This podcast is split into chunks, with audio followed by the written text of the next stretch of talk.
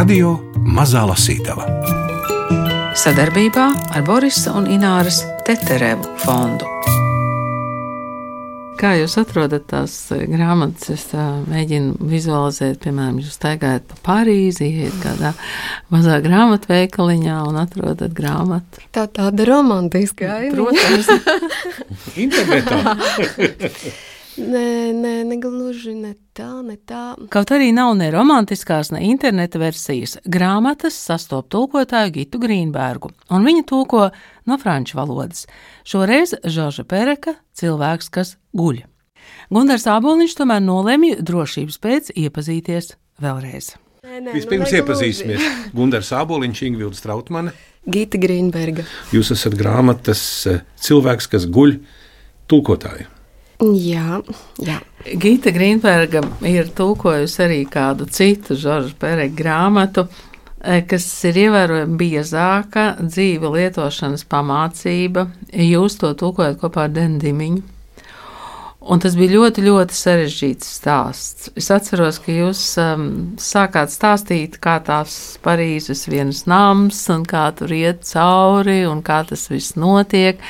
Uh, tagad mēs esam apsēdušies pie ļoti plānas pereka grāmatas. Kā jūs šo grāmatu varētu uh, raksturot? Šī ir um, Pereka trešā grāmata. Pat pirmā bija lietas, kas, starp citu, arī ir tulkota latviešu, arī tāda maza grāmatiņa. Iznāca pie mums diezgan drīz pēc tam, kad tika publicēta Francijā. Un uh, savā ziņā uh, starp abām šīm grāmatām ir tāda kā saspēle, to varētu saukt par diptihu. Jo, ja pirmā Starp abām, starp abām, abām plānējām. starp abām plānām, starp mm -hmm. lietām un cilvēks, kas guļ. Jā. Jo uh, lietas tās runā vairāk par nu, tādu kā fascināciju ap visu to materiālo pasauli, objektiem, lietām, kuras. Kā, par kurām mēs sapņojam, kuras mēs gribētu iegūt, nu, šis te patērētājs sabiedrības mm, pirmsākumi. Un šī iet kā pilnīgi pretēju ceļu un radikāla atsacīšanās, norobežošanās. Tā ir grāmatiņa, kas vēl tapusi pirms lipo perioda perikam un visām tām spēlēm, sarežģītajām ar valodu. Un līdz ar to grūti tā noraksturot, eh, viņa tiek saukta par, tas tiek saukts par romānu, bet, nu, godīgi sakot, romānu pazīmju vai iezīmju tur nav diezko daudz. Bet kādas iezīmes tur ir? Nu, Saudabīgi ir tas, ka šī ir grāmata, kas ir sarakstīta viens gadu ļoti otrajā personā, tikai tā tad tu. Kas rada tādu neparastu efektu. Pereks gan esot viņu rakstījis vairāk kārt, viņš esot mēģinājis es lietot es formu, lietot viņš formu, bet tas nesot darbojies. Un šis tu Nu, tur notiek tāda saslēgšanās, jo tikpat labi tas var būt autors, kurš par to sauc šo varoni. Tas var būt pats varonis, kurš uzrunā sevi kā tu. Mēs taču tā šādi darām, vai ne? Saku, ej, nu tu zini, ej, nu tu sazini, ja? Jā. Un... Bet tā nav tāda kā vēstule, kā vēršanās pie kāda. Mm. Kāda tas ir? Tā, tur nav tas adresāts. Tur nav, nav tur, tik... tur nav, tas nav tik vieno, viennozīmīgi skaidrs, un līdz ar to tā, tas efekts tāds saudabīgs. Arī dzena ritms un, uh, un brīžiem tādi ļoti dzējiski. Šī, šis ir no tiem darbiem, kur nu, ir jāskaita zilbs, jo brīžiem šķiet, ka nu, viena par daudz vai par maz varētu traucēt ritmam. Un tā. Tad, kā... tad varētu būt dzēja. Nesaist, ne, Kāds veids varētu teikt, dzēproza? Brīžiem, brīžiem. Ir arī filma tapusi pēc šīs grāmatas, kur Periks pats ir līdzdarbojies. Kā scenārija autors droši vien. Ja? jā, arī nu, viena aktieru filma, acīm redzot, ir iekļūsi topā desmit labākās filmas, kurās ar vienu aktieru līdzdalību, respektīvi. Ja ir mono izrādes, tad ir arī monofilma. Jā, jā. Bet, Gita, pastāstiet, kā tas ir iespējams skaitīt zilbes franču valodā un skaitīt zilbes latviešu valodā? Kā tur vispār var nē, kādu nē, līdz?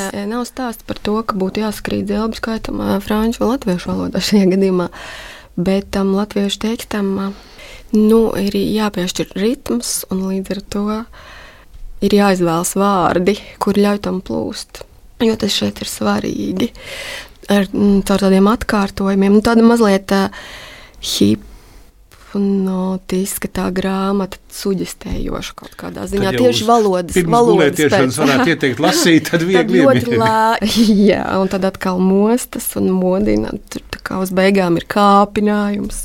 Jā. Vai jūs varētu atšķirt kādu lapusi, kur tas tā zīmīgi izpaužas? Nu, tad man bija šķiet, jāpameklē. Kā tas skan franču valodā, tas nosaukums? Anam Kidor. Nu, Tagad Gita Grīnberga meklē kādu hipnotizējošu epizodi. Cilvēks, kas guļ.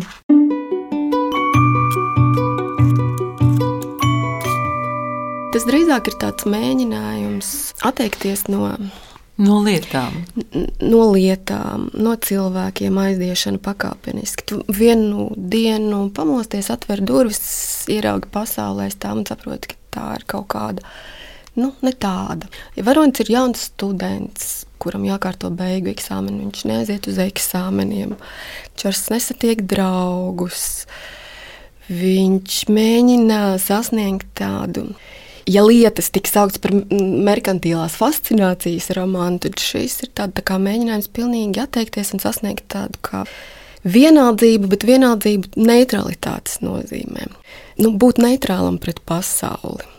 Piemēram, nu, uh, mēs lasām, viņš lasa avīzes ļoti cītīgi no sākuma līdz beigām, bet nepiešķirot nekādu vērtību tam, ko viņš lasa tam, ko viņš lasa, tam vai kaut kam citam. Viņš lasa jebkuras uh, avīzes vai? Jebkuras, jā, teiksim, tāpat apģērbā.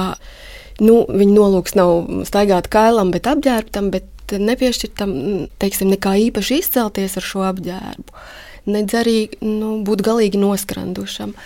Grāmatām, ko viņš lasa, nepiešķirt nekādu īpašu vērtību, respektīvi, lai, cau, lai, tas, lai tās nerunā viņa vietā, tas, ko viņš izvēlas, visas šīs mūsu izvēles. Un tā tālāk, lai tās būtu tikai nu, kā funkcijas. Tu ej, tu ēd, tu ģērbies, tu guli, lasi. tu lasi. Jā, nu, protams, beigās. Bet tu savu zinām, lomu ir arī muzikai šajā grāmatā. Nu, tāpēc es par tām zilbēm teicu, tādā ziņā, ka grāmatas muzikalitātē. Mm. Tā, nu, jā, tādā jā, nozīmē, jā. Tā mēs atkal aizrunājāmies, un es. Jā. Nu, droši vien, ka tādas vietas tur ir vairākas, varbūt. Tuliņ, tuliņ, tuliņ, tuliņ. Nu, ja vairākas, protams, jā. Tu esi viens. Tu mācies staigāt kā cilvēks, kurš ir viens. Klaiņot, klīst, redzēt, neskatoties un skatīties neredzot. Tu mācies caurspīdību, nekustību, nesamību. Tu mācies būt ēna un skatīties uz cilvēkiem, it kā tie būtu akmeņi. Tu mācies palikt sēžam, palikt guļam, palikt stāvam. Tu mācies sakošļāt katru kumosu, sajust to pašu neizteiksmīgo garšu katrai ēdienu kripatiņai, ko tu pacēl pie lūpām. Tu mācies skatīties uz mākslas galerijās izstādītajām gleznām, it kā tās būtu daļa no sienas vai griestiem, un skatīties uz sienām un griestiem, it kā tie būtu gleznas, kuru ceļiem tu nepaguris seko desmitiem tūkstošiem ceļu, kas sākas vienmēr no jauna, tu seko to neizdibināmajiem labirintiem, tekstam, ko neviens neprastu atšifrēt, izirstošajām sejām. Tu ienirsti San Luīs salas ieliņu labirintā, ej pa Važirāra ielu, ej uz Pereiru pusi, uz Šatolondonu, tu ej lēni, griezies atpakaļ, dirni pie veikala vitrīnām, pie drogu, elektropreču, sīkpreču, krāmu tirgotāju plauktiem. Tu apsēdies uz Līja Filipa tilta parapeta un skaties, kā zem arkām sakuļas un izšķīst ūdens vērpetes. Uz piltuvē līdzīgo ieplaku, kas pie tilta pīlāriem te padziļinās, te piepildās atkal no jauna. Mazliet tālāk garām pabrauc baržas un upes tramvaji, uz brīdi iztraucējot ūdens rotaļus ar tilta balstiem.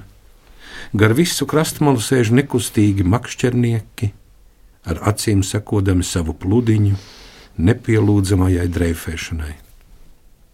Apsēdies kafejnīcas terasē pie alus kausa vai melnas kafijas tases, tu vēro ielu, mašīnas, taksometri, kravas auto, autobusi, motocikli, Mopēdi brauc garām blīvās rindās, kuras saskalda reti un īsi pārrāvumi, tāli atspulgi no luksaforiem, kas regulē satiksmi.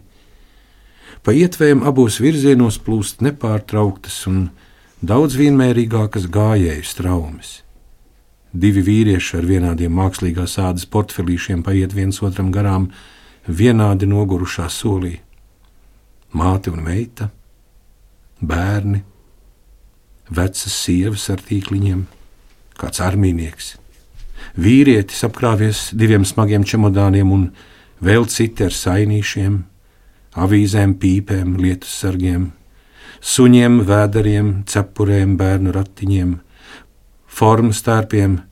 Vieni gandrīz skrienoši, citi teju vilkdami kājas, apstājoties pie skatlogiem, sasveicinoties, šķiroties, apsteidz cits citu, uzgrūžoties cits citam, veci un jauni, vīrieši un sievietes, laimīgi un nelaimīgi. Autobusu pieturās drūzmējas cilvēku bariņi, kas nemitīgi izšķīst un uzrodas atkal no jauna. Kāds vīrietis apkarinājies ar reklāmas plakātiem, dala bukletus. Kāda sieviete plašiem rokas vēzieniem velti nopūlas apturēt garām braucošos taksometrus tev tuvojas ar vien skaļāku ugunsdzēsēju vai policijas mašīnas sirēnu. Garām aiztraucas avārijas dienesta darbinieki izsaukti kādiem steidzamiem gadījumiem.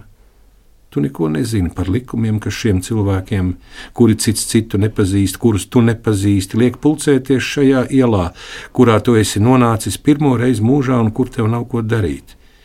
Ja nu vienīgi vērot šo pūli, kas nāk un iet, steidzas, apstājas, šīs kājas uz trotuāriem, šie riteņi uz brauktuvēm, ko tie visi te meklē, kurp dodas, kas viņus sauc, kas liek tiem atgriezties.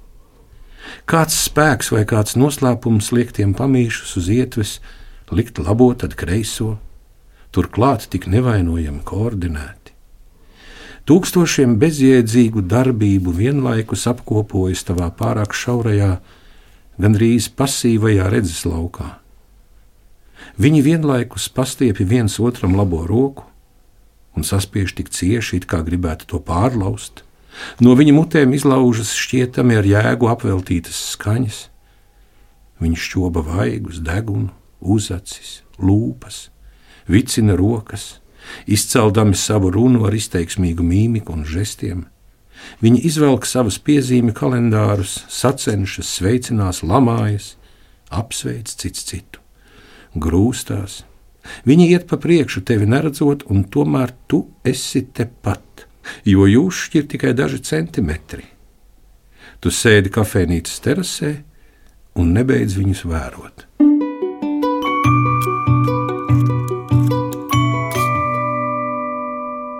Gita izdevās ielasīties ritmā, Gondarā.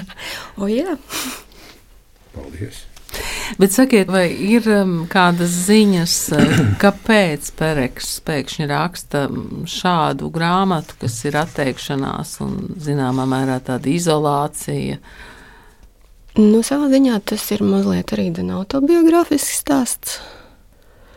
Un arī, dzen, kā jau teicu, iepriekš atbilde atbildi šīm lietām, kā mēģinājums iet līdz galam pretējā virzienā, nu, kas, protams, arī nav iespējams, jo nu, nevar tā. Divi grāvi, kaut kur jābūt pa vidu arī ceļam. Kaimiņa istabā kāds staigā šurpu turpu, klepo, šļūkā kājas pārvieto mēbeles, virina atvilknes. Gaitenīkā vienmēr pilna koplietošanas krāns, No lejas iztālēm ceļas Sent-Honorē ielas trokšņi. Svētā Roha baznīcas zvani nozvana divus. Tu pacēl acis, pārstāji lasīt, lai gan patiesībā jau sen vairs nelasi. Tu noliec atvērto grāmatu sev blakus uz kušetītes, pastiep roku, apdzēs pelnu traukā kupošo cigareti un izdzer savu neskafē krūzi. Kafija ir tik, tikko randena, pārāk salda un nedaudz rūktena. Tu svīsti. Esi nosvīdis slapjuši. Tu piecelies, pieeja pie loga, aiztais to. Tad atgriez mazās izlietnītes krānu un ar mitru vannas cimdu pārlaid pār pieri, pakausi, pleciem. Saliektām rokām un kājām tu apgulies uz sāna, uz šaurās kušetītes. Tu aizver acis, tava galva ir smaga, kājas notirpušas. Vēlāk pienāk eksāmena diena, bet tu necelies. Tā nav pārdomāta rīcība, starp citu, tā vispār nav rīcība, bet gan rīcības trūkums. Kaut kas tāds, ko tu nedari, darbības, no kurām tu izvairies. Tu aizgāji gulēt agri un gulēji mierīgi, bija uzgriezis modinātāju, dzirdēji, kā tas nozvana, ļāvi tam zvanīt vairākas minūtes, jau pamodies no karstuma vai gaismas, vai arī no piena pārdevēja un atkrituma vedēja trokšņiem, bet varbūt no gaidām. Tavs modinātājs zvana, bet tu pat nepakusties, un aizvērtām acīm paliec gultā. Kaimiņu istabās sāk zvanīt citi modinātāji. Tu dzirdi ūdeni līstam, dzirdi, kā aizveras durvis, kāpnēs noskan steidzīgi soļi. San Honorē iela sāk pildīties ar mašīnu trokšņiem, švīksta riepas, rūts motori, pīpina signāla tauris. Noklaudz slēģi, lēnām paceļas veikalu, metāla žalūzijas, bet tu nekusties.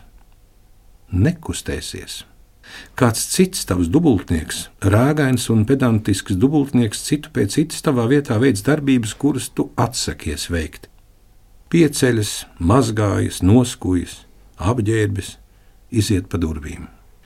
Tu ļauj viņam noskriet lejā pa kāpnēm, nesties pa ielu, pēdējā brīdī ielikt autobusā un noliktajā stundā bez elpas uzvaroši ierasties pie auditorijas durvīm. Attestāts par augstāko izglītību, specialitāte, vispārīgā socioloģija. Pirmais rakstiskais pārbaudījums. Tu piecelies par vēlu. Tur pār auditorijas soliem domīgi noliecas apzinīgu vai garlaikotu studentu galvas Iespējams, draugu satraukties skatienu brīdi kavējas pie tavas vietas, kas palikusi tukša.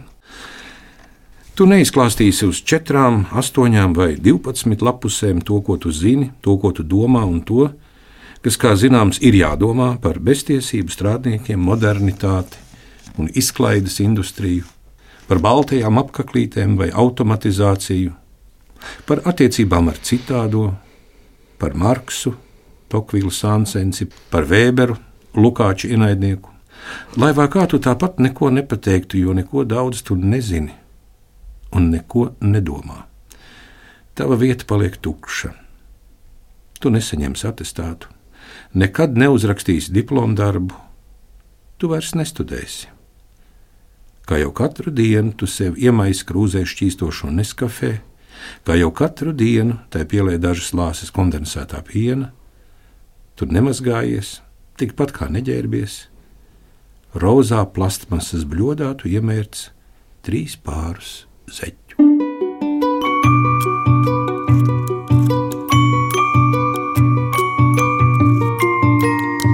Radio Mazā Lasītava. Mēs tomēr mēģinām saprast, ko un kāpēc Žoržs Pereks šoreiz ir gribējis pateikt ar metaforu cilvēks, kas guļ. Savas versijas atklāja tūkotāja Gita Grīnberga. Atbildot uz Ingūnas jautājumu pirms tam, kāpēc Pērikam šāds te grāmatiņai uz 4. vāka ir viņa citāts pašā beigās, kur viņš mazliet pasaka to. Es rakstu grāmatu par posmu savā dzīvē, kad gluži pretēji bija pilnībā vienaldzīgs. Tā vairs nav fascinācija, bet noraidījums. Atteikšanās no lietām un pasaules, Tam nav nekā kopīga ar nespēju komunicēt, tajā nav nekā metafiziska. Tas patiešām ir stāsts par kādu, kam vienu dienu rodas vēlme sacīt: atšujieties, lieciet mani mierā. Šis eh, Pereka mm, teksts, eh, tas franču literatūrā ir būtisks teksts. Ir būtisks, kas nu viņu nodēvēja par tādu kā modernās melanholijas pirmu tekstu, kas daudzus ir iedvesmojis. nu, tur ir eh, tur diezgan grūti ir kaut kā to ielikt vienā rāmī, vai tā ir apātija, vai tā ir melanholija, vai tā ir letarģija. Vai tā, vai, vai tur arī pat kaut kādu slinkums. Budi, jā, kāds starp citu, um, citu bija nosaucis varoni cilvēku, kas guļ par tādu kā attēlu Oblomovu gara radinieku. Jā, es nu pat gribēju. nu, jā, nu, Frančo Blomovs.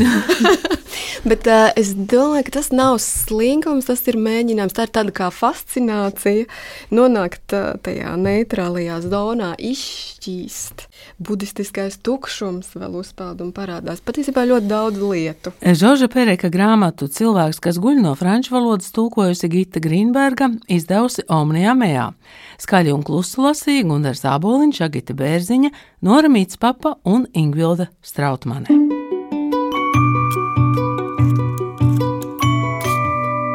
Gita, mm, tūkotāji, kas nāk uz mūsu ierakstiem, parasti saka, ka Dievs šo grāmatu es tulkoju, tur es nezinu, pirms gada vai vēl, vēl mm, cik sen jūs tulkojāt? Mm, sākums šķiet, ka bija pirms vairākiem gadiem tāds ga garš, varētu teikt, tāds mazliet izstiepts tas darba process arī saistībā ar izdevēju meklējumiem. Tad, à, tad, tad jūs um, sakāt, tulkot vēl nebija arī izdevēji? Nebija, bija, ne, bija paredzēts, ka grāmatu izdos Mansards līdzīgi kā Peraku pirmo. Mm -hmm. Bet izdevusi ir Omnijā Mējā. Omnijā Mējā, jā. Varētu un sacīt, ka Omnijā Mējā specializējas tieši jā, franču literatūras izdošanā, jā. Kā jūs atrodat tās grāmatas? Es tā, mēģinu vizualizēt, piemēram, jūs staigājat pa Parīzi, iet kādā mazā grāmatveikaliņā un atrodat grāmatu. Tā tāda romantiska aina. Protams. Internetā. nē, nē, negluži ne tā, ne tā. Visādi ir tā, ka grāmatas citreiz atrod arī mani. Parīzē ielikt grāmatnīcā ir grūti, ļoti ir diezgan tāds nelabums dažkārt pārņem. Iznākt laukā man šķiet. Pār tāds tīri fizisks nelabums, ieraugot visu to grāmatu apjomu, kas iznāk. Es tagad daudzum, neatceros, ja? jā, mm. kas es neaizmirstu tagad, kāds ir tas cipars ar, ar to, cik tad, cik tad grāmatu gadā iznāk Francijā. Bet tad, tad Francijā un cilvēki lasa? Ļoti, Francijā cilvēki lasa, jā. Nu, ja nu šodien ir maz uh, izpratne par to, kas ir stils, jo mums stilīgi tagad ir nelasīt. Nē, nu jau atkal lasīt. À, tad mēs tomēr sekojam jā, frančiem. Mēs, mēs sekojam frančiem. Jā. bija bijis brīdis, kad bija stilīgi tieši nelasīt. Jā, jā, tas bija krūti. Mm. Nafik tās grāmatas, tas viss internetā var atrast. Uh, bet sakiet, vai franči lasa drukātas grāmatas, vai viņi arī stipri pārgājuši uz e-grāmatām? Nu, man tagad grūtāk spriest, jo nav būtis kopš pandēmijas sākuma Francijā. Kādi divi, nu, jau vairāk. Bet, nu, teiksim, brauc, pabraucot ar metro vai autobusu, tur nu, lasa, ja? cilvēki lasa, lasīja grāmatas. Es pieļauju, ka tagad biežāk uh, Gita, tad kā tās grāmatas jūs no, atrodat? Ir dažreiz tā, tie ir izdevēji, kas kaut ko piedāvā, citreiz tā esmu es. Un tad man jau gribas domāt, ka, nu, tas ir kaut kā it, kā it kā nejauši, bet tomēr varbūt likumsakarīgi, kāpēc tie vai citi teksti tajos vai citos brīžos pie mums nonāk. Un tagad, ko jūs tulkojat? Tagad es esmu sākusi mm, nu, pat kā darboties pie Romēna Garī vai Emīla Žāra romānu mīļumiņš, ko paredzējis izdot, ir apgāds orbīta.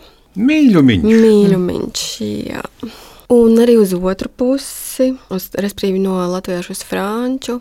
Tikko kā iznāca Bīle Francijā, pirmā daļa triloģijas, un tad, nu, tagad ir jāpabeidz otrā Bīle un karš. Un jūs tulkojat uz franču valodu? Uh, uz franču tad nu, vienmēr kā tā teikt četrocīgi vai ar kādu, ar kādu franču Kam kolēģi. Franču valoda jā, ir dzimtā, dzimtā valoda. valoda jā.